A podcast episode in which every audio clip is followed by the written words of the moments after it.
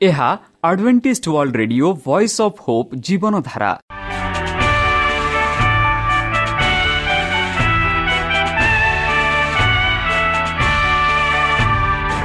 Odia radio କାର୍ଯ୍ୟକ୍ରମ ଯାହା ଆମର ଆନ୍ତର୍ଜାତୀୟ ଆଘାତ କେନ୍ଦ୍ରରୁ ପ୍ରସାରଣ କରାଯାଉଛି ପ୍ରତିଦିନ ରାତି ନଅଟା ତିରିଶ ମିନିଟ୍ରେ। ମୁଁ ସୁବ୍ରତ କୁମାର ପତି ପ୍ରେମର ସହ ଆପଣମାନଙ୍କୁ ଏହି କାର୍ଯ୍ୟକ୍ରମକୁ ସ୍ୱାଗତ କରୁଅଛି। ଚାଲନ୍ତୁ ଆଜିର ତିରିଶ ମିନିଟ୍ର କାର୍ଯ୍ୟକ୍ରମ ବିଷୟରେ ଜାଣିନେବା। ପ୍ରଥମେ ରଖିଛୁ ଆଧ୍ୟାତ୍ମିକ ଭକ୍ତିମୟ ଗୀତ।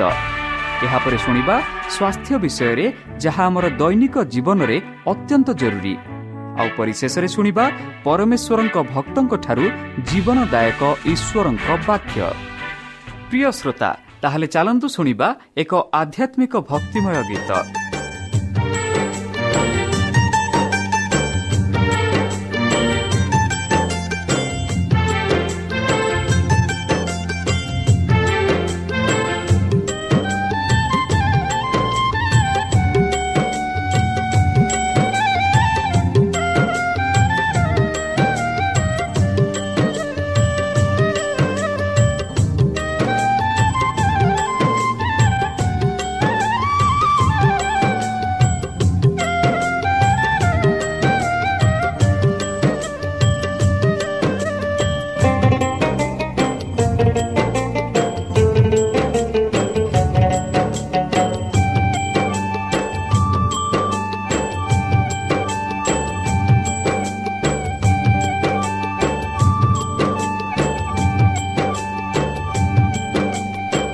ନିତିଦିନ ଭଜୁଥିବି ଯୀଶୁ ନାମ ମୋ ଯୀଶୁ ନାମ। ନିତିଦିନ ଭଜୁଥିବି ଯୀଶୁ ନାମ ମୋ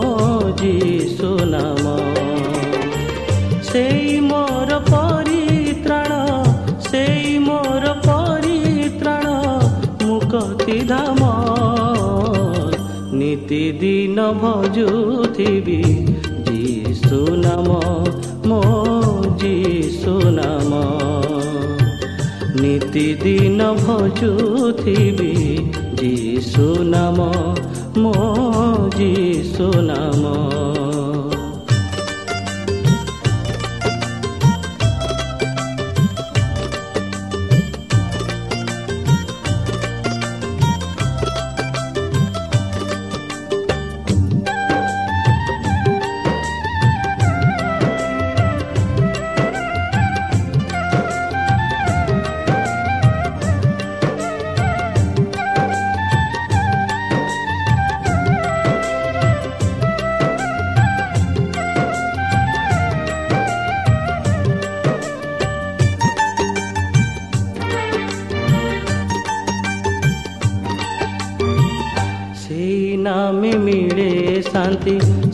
ସେ ନାମେ ମିଳଇ ମୁକ୍ତି ସେଇ ମୋର ଯୀଶୁ ପ୍ରିୟତମ ସେଇ ନାମେ ମିଳେ ଶାନ୍ତି ସେ ନାମେ ମିଳଇ ମୁକ୍ତି ସେଇ ମୋର ଯୀଶୁ ପ୍ରିୟତମ ଯେଉଁ ନାମେ ଯାଏ ଦୁଃଖ ଯେ ନାମେ ଅନନ୍ତ ସୁଖ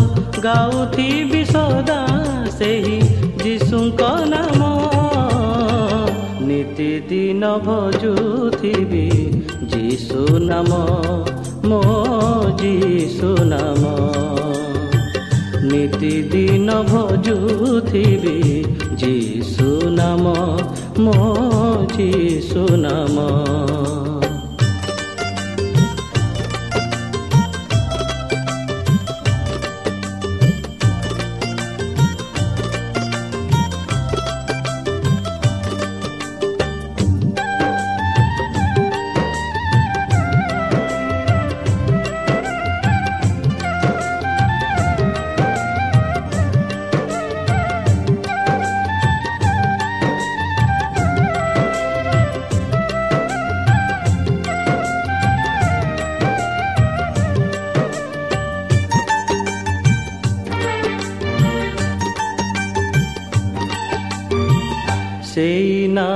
ଅଛି ଶକ୍ତି ସେ ନାମରେ ଦିନ ରାତି ବିତି ଯାଏ ମୋର ପ୍ର ପ୍ରତିକ୍ଷଣ। ସେଇ ନାମେ ଅଛି ଶକ୍ତି ସେ ନାମରେ ଦିନ ରାତି ବିତିଯାଏ ମୋର ପ୍ରତିକ୍ଷଣ।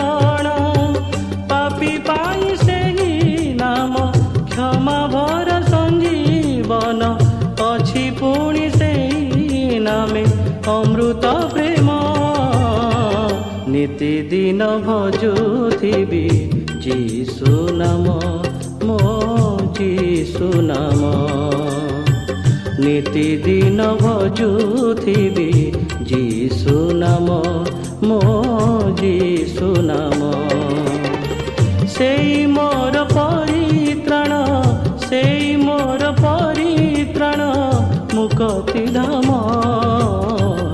ନିତିଦିନ ଭଜୁଥିବି ଯୀଶୁ ନାମ ମୋ ଯୀଶୁ ନାମ ନିତିଦିନ ଭଜୁଥିବି ଯୀଶୁ ନାମ ମୋ ଯୀଶୁ ନାମ ନିତିଦିନ ଭଜୁଥିବି ଯୀଶୁ ନାମ ମୋ ଯୀଶୁ ଆପଣଙ୍କର ମତାମତ ଜଣାଇବା ପାଇଁ ଆମର ଏହି ଠିକଣାରେ ଯୋଗାଯୋଗ କରନ୍ତୁ ଆମ ଠିକଣା Adventist media centre SDA mission compound Salisbury park Pune ଚାରି ଏକ ଏକ ଶୂନ ତିନି ସାତ ମହାରାଷ୍ଟ୍ର ବା ଖୋଲନ୍ତୁ ଆମର ୱେବସାଇଟ୍ ଯେକୌଣସି Android phone smartphone desktop laptop କିମ୍ବା ଟ୍ୟାବ୍ଲେଟ୍ ଆମର website W W W dot A W R dot O R G slash O R I ଏବଂ W W W dot Adventist media centre India dot O R G ବର୍ତ୍ତମାନ ଚାଲନ୍ତୁ ଶୁଣିବା ଈଶ୍ୱରଙ୍କ ଭକ୍ତଙ୍କଠାରୁ ଈଶ୍ୱରଙ୍କ ଜୀବନଦାୟକ ବାକ୍ୟ ଏକ ପାପହୀନ ଜୀବନ ନମସ୍କାର ପ୍ରିୟ ଶ୍ରୋତା ସେହି ସର୍ବଶକ୍ତି ସର୍ବଜ୍ଞାନୀ ପ୍ରେମର ସାଗର ଦୟାମୟ ଅନ୍ତର୍ଜମୀ ଅନୁଗ୍ରହ ପରମ ପିତାଙ୍କ ମଧୁର ନାମରେ ମୁଁ ପାଷ୍ଟ ପୂର୍ଣ୍ଣଚନ୍ଦ୍ର ଆଉ ଥରେ ଆପଣମାନଙ୍କୁ ଏହି କାର୍ଯ୍ୟକ୍ରମରେ ସ୍ୱାଗତ କରୁଅଛି। ସେହି ସର୍ବଶକ୍ତି ପରମେଶ୍ୱର ଆପଣମାନଙ୍କୁ ଆଶୀର୍ବାଦ କରନ୍ତୁ। ଆପଣଙ୍କୁ ସମସ୍ତ ପ୍ରକାର ଦୁଃଖ କଷ୍ଟ ବାଧା କ୍ଲେଶ ଓ ରୋଗରୁ ଦୂରେଇ ରଖନ୍ତୁ। ଶତ୍ରୁ ସୟତାନ ହସ୍ତରୁ ସେ ଆପଣଙ୍କୁ ସୁରକ୍ଷାରେ ରଖନ୍ତୁ। ତାହାଙ୍କ ପ୍ରେମ ତାହାଙ୍କ ସ୍ନେହ ତାହାଙ୍କ କୃପା ତାହାଙ୍କ ଅନୁଗ୍ରହ ସଦା ସର୍ବଦା ଆପଣଙ୍କଠାରେ ସହବର୍ତ୍ତୀ ରହୁ। ପ୍ରିୟତା ଚାଲନ୍ତୁ ଆଜି ଆମ୍ଭେ କିଛି ସମୟ ପବିତ୍ର ଶାସ୍ତ୍ର ବାଇବଲଠୁ ତାହାଙ୍କ ଜୀବନଦାୟକ ବାକ୍ୟ ଧ୍ୟାନ କରିବା। ଆଜିର ଆଲୋଚନା ହେଉଛି ଏକ ପାପହୀନ ଜୀବନ। ବନ୍ଧୁ ଯେବେ ଯୀଶୁଖ୍ରୀଷ୍ଟ ଏହି ପୃଥିବୀରେ ଥିଲେ ସେ ଏକ ପାପହୀନ ଜୀବନରେ ବାସ କରୁଥିଲେ। ତାହାଙ୍କ ବିଷୟରେ ପିତର କଣ କହୁଛନ୍ତି ତାହା ଆମେ ଦେଖିବା। ପ୍ରଥମ ପିତର ଦୁଇ ବାଇଶରେ ପିତର ଲେଖନ୍ତି ଯେ କୌଣସି ପାପ କଲେ ନାହିଁ କି ବା ତାହାଙ୍କ ମୁଖରେ କୌଣସି ଛଳ କଥା ନଥିଲା।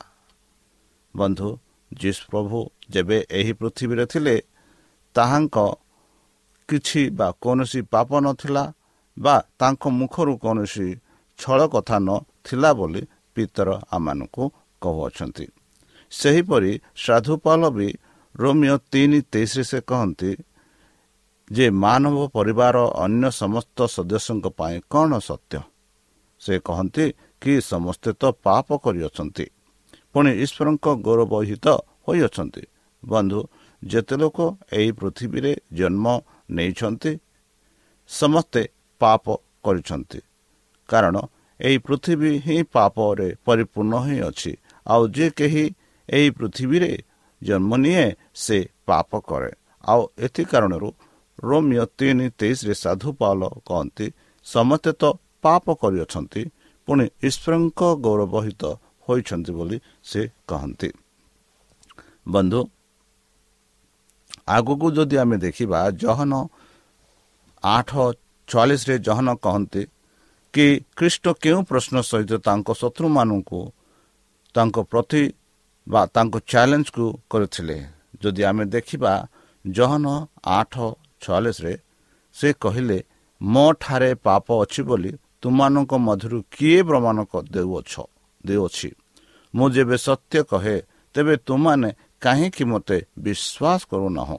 ବନ୍ଧୁ ଏହିପରି ଯୀଶୁଖ୍ରୀଷ୍ଟ ସେହି ସାଧୁସିସ୍ ଫାରୁସିସ୍ ମାନଙ୍କ ସମ୍ମୁଖରେ ପ୍ରଶ୍ନ କଲେ ଯଦି ମୋଠାରେ ପାପ ଅଛି ବୋଲି ତୁମାନେ ବା ତୁମାନଙ୍କ ମଧ୍ୟରୁ କିଏ ଭାବୁଛନ୍ତି ତାହେଲେ ମୋତେ ପ୍ରମାଣ କରି ଦେଖାଅ। ଆଉ ଯେବେ ତୁମେ ଦେଖୁଅଛ ମୁଁ ଯେବେ ସତ୍ୟ କହେ ତେବେ ତୁମାନେ କାହିଁକି ମୋତେ ବିଶ୍ୱାସ କରୁନାହଁ ବୋଲି ଯୀଶୁ ଖ୍ରୀଷ୍ଟ ସେହି ସାଧୁସୀ ପାରୁଷୀମାନଙ୍କୁ ପ୍ରଶ୍ନର ଉତ୍ତର ଦେଇଥିଲେ। ଯେହେତୁ ଏହି ପୃଥିବୀରେ ଯୀଶୁଖ୍ରୀଷ୍ଟ ପାପହୀନ ଜୀବନ ବଞ୍ଚୁଥିଲେ। ତାହେଲେ ଯୀଶୁ ଖ୍ରୀଷ୍ଟ ମଧ୍ୟ କେତେ ପରିମାଣରେ ପ୍ରଲୋଭିତ ହୋଇଥିଲେ ଯେପରି ମାନବ ଜାତି ଏହି ପୃଥିବୀରେ ବାସ କଲାବେଳେ ଶୈତାନ ମାନବକୁ ପ୍ରଲୋଭିତ ଆଣିଥାଏ ଆଉ ସେହିପରି ଏଦନ ବଗିଚାରେ ହବାକୁ ଶୟତାନ ପ୍ରଲୋଭିତ ଆଣିଥିଲେ ଆଉ ସେହି ପ୍ରଲୋଭିତରେ ହବା ଖସି ପ୍ରଭୁଙ୍କ ବିରୁଦ୍ଧରେ ପାପ କରୁଥିଲେ। ଏହି କାରଣରୁ ଯଦି ଆମେ ଦେଖିବା ଏଭ୍ରି ଚାରି ପନ୍ଦରରେ ସାଧୁପାଲ ଲେଖନ୍ତି ଏହିପରି କାରଣ ଯେ ଆମମାନଙ୍କ ଦୁର୍ବଳତାରେ ଆମମାନଙ୍କ ପ୍ରତି ସହାନୁଭୂତି ଦେଖାଇବାକୁ ଅସମର୍ଥ। ଆମମାନଙ୍କର ଏପରି ମହାଯାଜକ ନାହାନ୍ତି ବରଂ ସେ ପାପ ରହିତ ହୋଇ ଆମମାନଙ୍କ ପରି ସର୍ବତ ଭାବେ ପରୀକ୍ଷିତ ହେଲେ। ବନ୍ଧୁ ଏଇ ଯେଉଁ ଶେଷ ପଦକୁ ଦେଖନ୍ତୁ। ଆମମାନଙ୍କ ପରି ସର୍ବତ ଭାବେ ପରୀକ୍ଷିତ ହେଲେ ମାନେ ଯୀଶୁଖ୍ରୀଷ୍ଟ ଯେବେ ଏହି ପୃଥିବୀରେ ଥିଲେ ସେ ଆମେ ଯେପରି ପରୀକ୍ଷିତ ହୋଇଥାଉ ଶୈତାନ ଦ୍ୱାରା ଯୀଶୁଖ୍ରୀଷ୍ଟ ମଧ୍ୟ ସେହିପରି ପରୀକ୍ଷିତ ହୋଇଥିଲେ। ଯଦି ଆମେ ମାଥ୍ୟୁ ଚାରି ପର୍ବ ପଢ଼ିବା ସେଠି ସୁନ୍ଦର ଭାବରେ ତାଙ୍କ ଶୈତାନର ପ୍ରଲୋଭିତ ବିଷୟରେ ଆମେ ଦେଖୁଅଛୁ।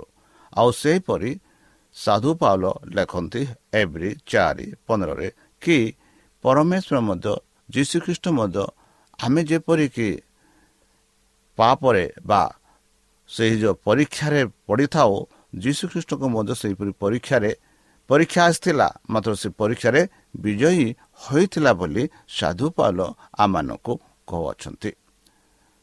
ଯଦି ମାନବ ତାଙ୍କ ମାନକ ବିତାର ମାନକ ବିତାର ଖ୍ରୀଷ୍ଟ କେଉଁ ପ୍ରକୃତି ଅଂଶଗ୍ରହଣ କରିଥିଲେ ବୋଲି ଯଦି ଆମେ ପ୍ରଶ୍ନ କରିବା ତେବେ ସାଧୁ ପାଲ ଏହି ପ୍ରଶ୍ନର ଉତ୍ତର ଦିଅନ୍ତି ଏଭ୍ରି ଦୁଇ ଚଉଦରେ ସେ କହନ୍ତି ଅତ ଏବେ ସନ୍ତାନମାନେ ରକ୍ତ ମାଂସର ସହଭାଗୀ ହୋଇଥିବାରୁ ସେ ମଧ୍ୟ ନିଜେ ସେହି ପରିସ୍ଥିତିରେ ସହଭାଗିତା ହେଲେ।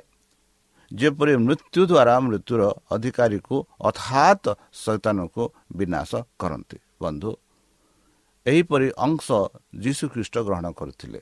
ଯେହେତୁ ମାନବ ଜାତି ରକ୍ତ ମାଂସ ସହଭାଗୀ ହୋଇ ଜନ୍ମ ହୋଇଅଛେ। ଆଉ ସେଥିଯୋଗୁଁ ଯୀଶୁ ପ୍ରଭୁ ମଧ୍ୟ ସେହିପରି ଜନ୍ମ ହୋଇଥିଲେ। ସେହିପରି ସେଥିରୁ ସହଭାଗୀ ହେଲେ ବୋଲି ସାଧୁ ପାଲ ଆମମାନଙ୍କୁ କହୁଛନ୍ତି ତାହା ନୁହେଁ ଯେପରି ମୃତ୍ୟୁ ଦ୍ୱାରା ମୃତ୍ୟୁର ଅଧିକାରୀକୁ ଅର୍ଥାତ୍ ଶୈତାନକୁ ବିନାଶ କରନ୍ତି। ମୃତ୍ୟୁ ଦ୍ୱାରା ସେ ମୃତ୍ୟୁ ହେଲେ ଆଉ ମୃତ୍ୟୁ ଦ୍ୱାରା ଆମେ ଦେଖୁଛୁ ଶୈତାନକୁ ବିନାଶ କରିଛନ୍ତି ଆଉ ଶୈତାନକୁ ବିଜୟ ହେଇଛନ୍ତି ଆଉ ମୃତ୍ୟୁରୁ ସେ ପୁନରୁଚିତ ହୋଇଛନ୍ତି।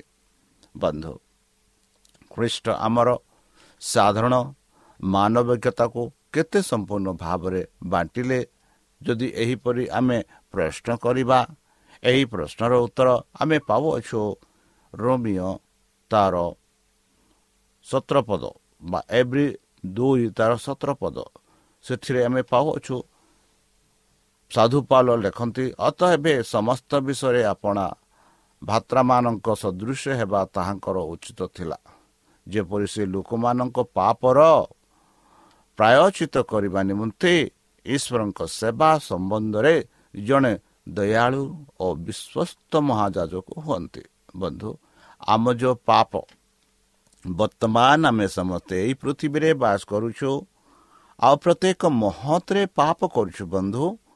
ଆଉ ଆମ ଏଇ ପାପକୁ ପ୍ରାୟଚିତ କରିବା ନିମନ୍ତେ ଆମମାନଙ୍କୁ ଏଇ ପାପରୁ ଉଦ୍ଧାର କରିବା ନିମନ୍ତେ ଆମମାନଙ୍କୁ ଏଇ ପାପରୁ ପରିତ୍ରାଣ ଦେବା ନିମନ୍ତେ ଯୀଶୁ ଖ୍ରୀଷ୍ଟ ଯିଏକି ସେହି ପାପ ନେଲେ ଆଉ ମୃତ୍ୟୁ ହେଲେ ଆଉ ବର୍ତ୍ତମାନ ସେ ଏକ ଦୟାଲୁ ଓ ବିଶ୍ୱସ୍ତ ମହାଯାଜକ ରୂପେ ଅଛନ୍ତି। ପ୍ରାୟୋଜିତ କରିବା ନିମନ୍ତେ ଈଶ୍ୱରଙ୍କ ସେବା ସମ୍ବନ୍ଧରେ ଜଣେ ଦୟାଳୁ ଓ ବିଶ୍ୱସ୍ତ ମହାଯାଜକ ହୁଅନ୍ତି ବୋଲି ସାଧୁ ପାଉଳ ତାର ଦୁଇ ସତ୍ର ପଦରେ ସ୍ପଷ୍ଟ ରୂପେ କହନ୍ତି ଯେପରି ଅତବେ ସମସ୍ତ ବିଷୟରେ ଆପଣ ଭ୍ରାତାମାତା ଭ୍ରାତାମାନଙ୍କ ସଦୃଶ ହେବା ଆମ ଭ୍ରାତାମାନଙ୍କ ସଦୃଶ ମାନେ ଆମେ ଯେପରି ଥିଲୁ ସେପରି ହେଲେ ଯେପରି ସେ ଲୋକମାନଙ୍କ ପାପର ପ୍ରାୟଚ୍ୟୁତ କରିବା ନିମନ୍ତେ ଈଶ୍ୱରଙ୍କ ସେବା ସମ୍ବନ୍ଧରେ ଜଣେ ଦୟାଳୁ ଓ ବିଶ୍ୱସ୍ତ ମହାଯାଜକ ହୁଅନ୍ତି। ତାହା ପାଇଁ ଯୀଶୁଖ୍ରୀଷ୍ଟ ସେହି ସ୍ୱର୍ଗ ରାଜ୍ୟ ଛାଡ଼ି ସେହି ସୌନ୍ଦର୍ଯ୍ୟ ସ୍ୱର୍ଗ ଛାଡ଼ି ଏହି ଯେଉଁ ପାପମୟ ଦୁନିଆକୁ ଆସିଲେ ଆମମାନଙ୍କ ସହିତ ବାସ କଲେ ଆଉ ଆମମାନଙ୍କ ପାଇଁ ସେ ମରଣ ହେଲେ। ବନ୍ଧୁ ତାଙ୍କ ମାନବିତାର ଖ୍ରୀଷ୍ଟ ଆମର ପାପପୂର୍ଣ୍ଣ ପ୍ରତୀତ ପ୍ରକୃତିକୁ ଗ୍ରହଣ କରିଥିଲା। ଯଦି ନୁହେଁ ତେବେ ତାଙ୍କ ତାଙ୍କ ଭାଇମାନଙ୍କ ପରି ତିଆରି କରାଯାଇନଥିଲା ବା ହୋଇନଥିଲା। ଆମ ପରି ପ୍ରଲୋଭିତ ସମସ୍ତ ବିନ୍ଦୁରେ ସେ ହୋଇଥିଲେ ବନ୍ଧୁ। ଯେହେତୁ ଆମକୁ ଅତିକ୍ରମ କରିବାକୁ ପଡ଼ିବ ଏବଂ ତେଣୁ ସମ୍ପୂର୍ଣ୍ଣ ଏବଂ ସିଦ୍ଧ ତ୍ରାଣକର୍ତ୍ତ ବ୍ୟକ୍ତି ଆବଶ୍ୟକ କରନ୍ତି ନାହିଁ ଏବଂ ସେମାନଙ୍କୁ ବଞ୍ଚାଇବାକୁ ପଡ଼ିବ। ଏଥିଯୋଗୁଁ ଯୀଶୁ ଖ୍ରୀଷ୍ଟ ଏହି ପୃଥିବୀକୁ ଆସିଲେ। ଖ୍ରୀଷ୍ଟ ଏକ ନିକୁଣ୍ଣ କିମ୍ବା ପାପହୀନ ମାଙ୍କ ଠାରୁ ଜନ୍ମ ହୋଇଥିଲେ। ପାପ କରିବାର କୌଣସି ପ୍ରବୃତ୍ତି ଉତ୍ତରାଧିକାରୀ ହୋଇନଥିଲେ ଏବଂ ଏହି କାରଣରୁ ପାପ କରିନଥିଲେ। ତାଙ୍କ ଏକ ପତୀତ ଦୁନିଆର କ୍ଷେତ୍ରରୁ ଏବଂ ସେହି ସ୍ଥାନରୁ ଯେଉଁଠାରେ ସାହାଯ୍ୟ ଆବଶ୍ୟକ ହୋଇଥାଏ। ତାଙ୍କ ମାନବ ପାର୍ଶ୍ୱରେ ଖ୍ରୀଷ୍ଟ ଉତ୍ତରାଧିକାରୀ ଭାବରେ ବନ୍ଧୁ ହୋଇଥିଲେ ଯାହା ଆଦମ ପ୍ରତ୍ୟେକ ସନ୍ତାନ ଉତ୍ତରକାରୀ ଉତ୍ତର ଉତ୍ତରାଧିକାରୀ ହୁଅନ୍ତି ବନ୍ଧୁ ଏକ ପାପପୂର୍ଣ୍ଣ ପ୍ରକୃତି ଦିବ୍ୟ ବା ଈଶ୍ୱରୀୟ ପାର୍ଶ୍ୱରେ ତାଙ୍କର ଗର୍ଭଧାରଣରୁ ସେ ଆତ୍ମାରୁ ଜନ୍ମ ହୋଇଥିଲେ ଏବଂ ମାନବ ଜାତିକୁ ସୁବିଧାଜନକ ଭୂମିରେ ରଖିବା ପାଇଁ ପ୍ରଦର୍ଶନ କରିବା ପାଇଁ ଏସବୁ କରାଯାଇଥିଲା। ସେ ସମାନ ଭାବରେ ଯିଏ ଆତ୍ମାରୁ ଜନ୍ମ ହୁଏ ସେ ନିଜ ପାପ ମାଂସର ପାପ ଉପରେ ବିଜୟ ପରି ଲାଭ କରିପାରନ୍ତି। ଏହିପରି ଖ୍ରୀଷ୍ଟ ଅତିକ୍ରମ କରିବା ପରେ ପ୍ରତ୍ୟେକଙ୍କୁ ଅତିକ୍ରମ କରିବାକୁ ପଡ଼ିବ ବୋଲି ଆମେ ଦେଖୁଅଛୁ। ବନ୍ଧୁ ଯଦି ଆମେ ପ୍ରକାଶିତ ତିନି ଏକୋଇଶରେ ଯଦି ଦେଖିବା ତାଙ୍କ ଜନ୍ମ ବିନା ପାପରୁ ବିଜୟ ଅସମ୍ଭବ ଥିଲା। ତାଙ୍କ ତାଙ୍କ ଯଦି ପାପ ନ କରିଥାନ୍ତୁ ତାହେଲେ ଆମେ ପରିତ୍ରାଣ ପାଇନଥାନ୍ତୁ ଯଦି ଆମେ ଜହନ ତିନି ତିନି ସାତରେ ସାତ ପର୍ଯ୍ୟନ୍ତ ପଢ଼ିବା ଏହିପରି ଆମେ ଦେଖୁଅଛୁ। ବନ୍ଧୁ ଖ୍ରୀଷ୍ଟ ଈଶ୍ୱରଙ୍କ କେଉଁଠାରୁ ପାପକୁ ନିନ୍ଦା କରିଥିଲେ? ଏବଂ ପ୍ରଲୋଭନ ଏବଂ ପାପ ଉପରେ ଆମ ପାଇଁ ବିଜୟ ହାସଲ କରିଥିଲେ। ଏହିପରି ଆମେ ଦେଖୁଅଛୁ ରୋମିଓ ଆଠ ତିନିରେ କି ଖ୍ରୀଷ୍ଟ କିପରି ପାପରୁ ନିନ୍ଦା କରିଥିଲେ। ବନ୍ଧୁ ଯେଣୁ ଶରୀର ସକାଶେ ଦୁର୍ବଳ ହେବାର ବ୍ୟବସ୍ଥା ଯାହା ସାଧନ କରିପାରେ ନାହିଁ ତା ଈଶ୍ୱର ଆପଣା ପୁତ୍ରଙ୍କ ପାପମୟ ଶରୀରରେ ସଦୃଶରେ ପାପ ବିନାଶ ନିମନ୍ତେ ପ୍ରେରଣ କରି ଶରୀର ଶରୀରରେ ପାପକୁ ଦଣ୍ଡାଜ୍ଞା ଦେବା ଦ୍ୱାରା କଲେ। ଦେଖନ୍ତୁ ବନ୍ଧୁ କେତେ ସୁନ୍ଦର ଭାବରେ ରୋମିଓ ଆଠ ତିନିରେ ସାଧୁପାଲ କହନ୍ତି ଆମ ଶରୀର ସକାଶେ ଦୁର୍ବଳ ହେବାରୁ ବ୍ୟବସ୍ଥା ଯାହା ସାଧନ କରିପାରିବ ନାହିଁ ତାହା ବ୍ୟବସ୍ଥା ସାଧନ କରିପାରିବ ନାହିଁ ତାହା ଈଶ୍ୱର ଯେ କି ଆମ ପିତା ଆପନା ପୁତ୍ର ପାପମୟ ଶରୀରର ତା ଦୋଷରେ ପାପ ବିନାଶ ନିମନ୍ତେ ପ୍ରେରଣ କରି ଶରୀରରେ ପାପକୁ ଦଣ୍ଡାଜ୍ଞା ଦେଲା। ଦେବା ଦ୍ୱାରା ଆମେ ଏହିପରି ଯୀଶୁଖ୍ରୀଷ୍ଟ କଲେ ବୋଲି ଆମେ ଦେଖୁଅଛୁ। ବନ୍ଧୁ ଈଶ୍ୱର ଖ୍ରୀଷ୍ଟରେ ପାପ ନିନ୍ଦା କଲେ।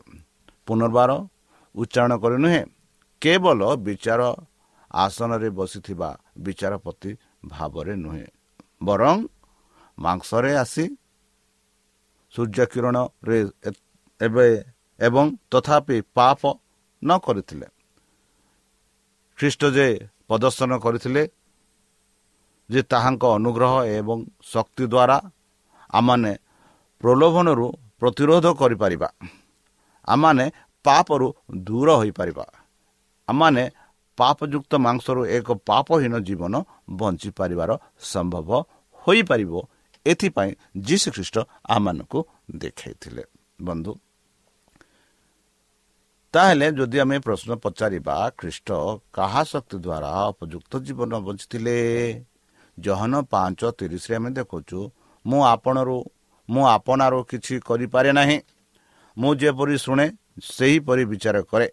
ଆଉ ମୋହର ବିଚାର ଯଥାର୍ଥ କାରଣ ମୁଁ ଆପଣାର ଇଚ୍ଛା ସାଧକ ସାଧନ କରିବାକୁ ଚେଷ୍ଟା ନ କରି ମୋହର ପ୍ରେରଣାକର୍ତ୍ତାଙ୍କର ଇଚ୍ଛା ସାଧନ କରିବାକୁ ଚେଷ୍ଟା କରେ। ବନ୍ଧୁ କେଡ଼େ ସୁନ୍ଦର ଭାବରେ ଯୀଶୁଖ୍ରୀଷ୍ଟ କହୁଅଛନ୍ତି କେବେ ହେଲେ ମୁଁ ଏହିପରି କାର୍ଯ୍ୟ କରିନାହିଁ ଯେହେତୁ ମୁଁ ସଦାସର୍ବଦା ଯାହା ମୋତେ କୁହାଯାଇଥିଲା ଯାହା ମୋତେ ପ୍ରେରଣ କରାଯାଇଥିଲା ତାହା କରିବା ପରେ ମୁଁ ଚେଷ୍ଟା କଲେ ବୋଲି ଯୀଶୁଖ୍ରୀଷ୍ଟ ନିଜେ କହିଲେ। ଆଉ ଯଦି ଦେଖିବା ଜହନ ଚଉଦ ଦଶରେ ଯୀଶୁ ଯୀଶୁ ପ୍ରଭୁ ଏହିପରି କହନ୍ତୁ ମୁଁ ଯେ ପିତାଙ୍କଠାରେ ଅଛି ଓ ପିତା ମୋ ଠାରେ ଅଛନ୍ତି ଏକଥା କ'ଣ ବିଶ୍ୱାସ କରୁନାହଁ? ମୁଁ ତୁମମାନଙ୍କୁ ଯେ ସମସ୍ତ ବାକ୍ୟ କହେ ସେହିସବୁ ମୋ ନିଜରୁ ନୁହେଁ। କିନ୍ତୁ ପିତା ମୋ ଠାରେ ଥାଇ ଆପଣ କର୍ମ କରୁଛନ୍ତି ସେ ସ୍ପଷ୍ଟ ରୂପେ ମାନବ ଜାତିକୁ ବୁଝାଇ କହୁଛନ୍ତି ଯାହା ଯାହା ମୁଁ ବର୍ତ୍ତମାନ କରୁଅଛି ଯାହା ଯାହା କରିସାରିଛି ମୁଁ ନିଜେ କରିନାହିଁ ବର୍ତ୍ତମାନ ମୋ ପିତା ମୋ ଦ୍ୱାରା କରାଅଛି। ଯେପରି ତା ପୂର୍ବ ପଦରେ ଆମେ ଦେଖିବା ମୁଁ ଯେ ପିତାଙ୍କ ଠାରେ ଅଛି ଓ ପିତା ମୋ ଠାରେ ଅଛନ୍ତି। ଏହା ସ୍ପଷ୍ଟ ରୂପେ ଆମେ ଦେଖୁଅଛୁ ପିତା ଯାହା ଯାହା କହିଲେ ପିତାଙ୍କ ଇଚ୍ଛା ସେ ଯୀଶୁଖ୍ରୀଷ୍ଟ ପୂର୍ଣ୍ଣ କରୁଥିଲେ। ବନ୍ଧୁ ଯୀଶୁଖ୍ରୀଷ୍ଟ ତାଙ୍କ ମାନବିକତାର ଖ୍ରୀଷ୍ଟ ଭାବନାକୁ କାର୍ଯ୍ୟ ପାଇଁ ଈଶ୍ୱରୀୟ ଶକ୍ତି ଉପରେ ନିର୍ଭରଶୀଳ ଥିଲେ ଯେପରି ସମାନ କାର୍ଯ୍ୟ କରିବା ପାଇଁ କୌଣସି ବ୍ୟକ୍ତି କରନ୍ତି। ସେ ଏକ ପବିତ୍ର ଜୀବନ ବଞ୍ଚିବା ପାଇଁ କୌଣସି ଉପାୟ ନିୟୋଜିତ କରିନାହାନ୍ତି ଯାହା ପ୍ରତ୍ୟେକ ମଣିଷ ପାଇଁ ଉପଲବ୍ଧ ନୁହେଁ। ତାଙ୍କ ମାଧ୍ୟମରେ ପ୍ରତ୍ୟେକଙ୍କର ଈଶ୍ୱରଙ୍କ ତାଙ୍କ ଭିତରେ ବାସ କରିପାରନ୍ତି ଏବଂ ତାଙ୍କ ମାଧ୍ୟମରେ କାମ କରିପାରନ୍ତି। ବନ୍ଧୁ ଯଦି ପ୍ରଥମ ଜହନ ଚାରି ପନ୍ଦର ପଡ଼ିବା ଆଉ ଫିଲିପିଓ ଦୁଇ ତେର ପଡ଼ିବା ଏହିପରି ଆମେ ଦେଖୁଅଛୁ। ବନ୍ଧୁ ଯୀଶୁଙ୍କ ଆଗରେ କ'ଣ ନିଃସ୍ୱାର୍ଥ ଉଦ୍ଦେଶ୍ୟ ଥିଲା? କାରଣ ମୁଁ ନିଜ ଇଚ୍ଛା ସାଧନ କରିବାକୁ ଅବତରଣ କରି ବରଂ ମୋର ପ୍ରେରଣାକର୍ତ୍ତାଙ୍କ ଇଚ୍ଛା ସାଧନ କରିବାକୁ ସ୍ୱର୍ଗରୁ ଅବତରଣ କରିଅଛି। ବନ୍ଧୁ ଜହନ ଛଅ ଅଠତିରିଶ ଆମେ ଦେଖାଉଛୁ ବନ୍ଧୁ ଯୀଶୁଖ୍ରୀଷ୍ଟ କହନ୍ତି କି ମୋର ନିଜ ଇଚ୍ଛା ସାଧନ କରିବାକୁ ଏହି ପୃଥିବୀକୁ ମୁଁ ଆସିନାହିଁ ବରଂ ମୋହର ତ୍ରାଣ ମୋର ପ୍ରେରଣକର୍ତ୍ତାଙ୍କ ଇଚ୍ଛା ସାଧନ କରିବାକୁ ସ୍ୱର୍ଗରୁ ମୁଁ ଅବତରଣ ହୋଇଅଛି। ବନ୍ଧୁ ଯେପରି ଏହା ପୂର୍ବେ ମୁଁ ଆପଣଙ୍କୁ କହିଅଛି କି ଯୀଶୁ ଖ୍ରୀଷ୍ଟ ଯିଏକି ସ୍ୱର୍ଗରେ ବାସ କରୁଥିଲେ ଯୀଶୁ ଖ୍ରୀଷ୍ଟ ଯିଏକି ସ୍ୱର୍ଗରେ ରାଜତ୍ୱ କରୁଥିଲେ ବର୍ତ୍ତମାନ ଏହି ଯେଉଁ ମାନବ ଜାତିକୁ ବଞ୍ଚାଇବା ପାଇଁ ପିତାଙ୍କ ଇଚ୍ଛା ପୂରଣ କରିବା ପାଇଁ ସେହି ପୃଥିବୀକୁ ଆସିଲେ ପୃଥିବୀରେ ବାସ କଲେ ଆଉ ପୃଥିବୀରେ ବାସ କଲେ ଯେଉଁମାନଙ୍କଠାରେ ବାସ କରୁଥିଲେ ସେମାନଙ୍କୁ ଶିକ୍ଷା ଦେଲେ। ଆଉ ଯେଉଁ ଯେଉଁ ପାପ ଯେଉଁ ଯେଉଁ ପ୍ରଲୋଭନ ତାଙ୍କ ସମ୍ମୁଖରେ ଆସିଲା ସେହି ପ୍ରଲୋଭନରେ ସେ ବିଜୟୀ ହେଲେ। ଆଉ ପାପହୀନ ଜୀବନ ସେ ଥିଲେ ଆଉ ପରିଶେଷ ଆମମାନଙ୍କ ପାଇଁ ସେ ମୃତ୍ୟୁବରଣ ହେଲେ। ଆଉ ମୃତ୍ୟୁବରଣ ହେଲେ ତାପରେ ସେଇ ବିଜୟୀ ହୋଇ ସେଇ ମୃତ୍ୟୁରୁ ପୁନରୁଚିତ ହେଲେ ଆଉ ବର୍ତ୍ତମାନ ସେ ସ୍ୱର୍ଗ ରାଜ୍ୟରେ ଅଛନ୍ତି ଆଉ ସେ ବହୁ ଶୀଘ୍ର ଆଉ ଥରେ ଆସିବେ ବନ୍ଧୁ ଆଉ ସେହି ସମୟରେ ଏହି ପୃଥିବୀରେ ବାସ କରିବେ ନାହିଁ ମାତ୍ର ପୃଥିବୀରେ ଯେତେ ଲୋକ ତାହାଙ୍କଠାରେ ବିଶ୍ୱାସ କରୁଛନ୍ତି ସେମାନଙ୍କୁ ସେହି ସ୍ୱର୍ଗରାଜ୍ୟକୁ ନେବା ପାଇଁ ଆସିବେ ତାହେଲେ ତାଙ୍କ ସହ ସେହି ସ୍ୱର୍ଗରାଜ୍ୟ ଯିବା ପାଇଁ ଆପଣମାନେ ଇଚ୍ଛୁକ ଅଛନ୍ତି କି?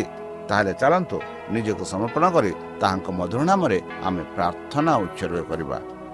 ହେ ଆମ୍ଭମାନଙ୍କ ସର୍ବଶକ୍ତି ସର୍ବଜ୍ଞାନୀ ପ୍ରେମର ସାଗର ଦୟାମୟ ଅନ୍ତର୍ଜମୀ ଅନୁଗ୍ରହ ପରମ ପିତା ଧନ୍ୟବାଦ ଅର୍ପଣ କରୁଛୁ ପ୍ରଭୁ ବର୍ତ୍ତମାନ ଯେଉଁ ବାକ୍ୟ ତୁମ ଭକ୍ତମାନଙ୍କୁ ଶୁଣାଇଲେ ସେହି ବାକ୍ୟ ଅନୁସାରେ ଏମାନଙ୍କୁ ଚାଲିବା ପାଇଁ ବୁଦ୍ଧିରେ ଜ୍ଞାନରେ ଶକ୍ତିରେ ପରିପୂର୍ଣ୍ଣ କର।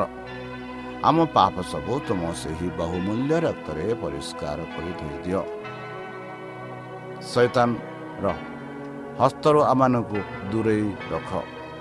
ପବିତ୍ର ଆତ୍ମା ଦ୍ୱାରା ଆମମାନଙ୍କୁ ପରିଚାଳନା କର। ଆଉ ପରିଶେଷ ଯେବେ ତୁବେ ତୁବ ସେହି ସହସ୍ର ଦୂତଙ୍କ ସହ ଆସିବେ ସେତେବେଳେ ଆମମାନଙ୍କୁ ଏକ ବାସସ୍ଥାନ ଦିଅ ବୋଲି ତ୍ରାଣକର୍ତ୍ତା ପ୍ରଭୁ ଯୀଶୁଙ୍କ ମଧୁରମୟ ନାମରେ ଏହି ଛୋଟ ବିକ୍ଷମ ହେଉଛି ଶୁଣି ଗ୍ରହଣ କର। ଆମେନ୍। ପ୍ରିୟ ଶ୍ରୋତା ଆମେ ଆଶା କରୁଛୁ ଯେ ଆମର କାର୍ଯ୍ୟକ୍ରମ ଆପଣମାନଙ୍କୁ ପସନ୍ଦ ଲାଗୁଥିବ। ଆପଣଙ୍କର ମତାମତ ଜଣାଇବା ପାଇଁ ଆମର ଏହି ଠିକଣାରେ ଯୋଗାଯୋଗ କରନ୍ତୁ। ଆମ ଠିକଣା Adventist media centre SDA mission compound Salisbury park Pune ଚାରି ଏକ ଏକ ଶୂନ ତିନି ସାତ ମହାରାଷ୍ଟ୍ର। ବା ଖୋଲନ୍ତୁ ଆମର ୱେବ୍ସାଇଟ୍ ଯେକୌଣସି Android phone smartphone desktop laptop କିମ୍ବା ଟ୍ୟାବ୍ଲେଟ୍। ଆମର website W W W dot A W R dot O R G slash O R I ଏବଂ W W W dot Adventist media centre India dot O R G Adventist media centre ଇଣ୍ଡିଆର spelling ହେଉଛି A D V E N T I S T M E D I A C E N T R E I N D I A ଅଥବା download କରନ୍ତୁ ଆମର mobile app ଆପଣଙ୍କର mobile play ଷ୍ଟୋରକୁ ଯାଆନ୍ତୁ ଆଉ type କରନ୍ତୁ the voice of hope ଆଉ download କରନ୍ତୁ। ଈଶ୍ୱର ଆପଣଙ୍କୁ ଆଶୀର୍ବାଦ କରନ୍ତୁ। ଧନ୍ୟବାଦ।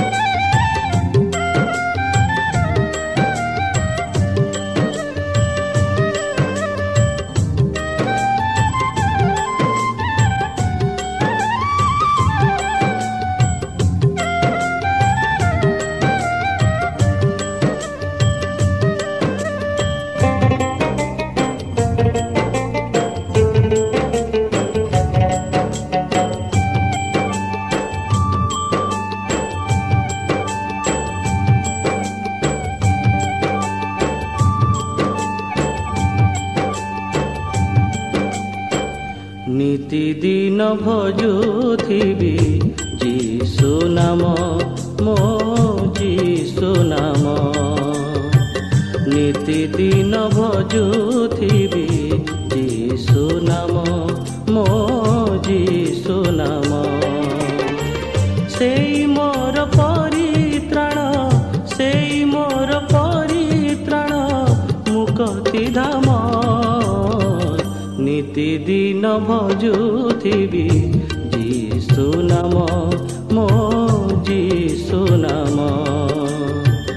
ନିତିଦିନ ଭଜୁଥିବି। ଯୀଶୁ ନାମ ମୋ ଯୀଶୁ ନାମ।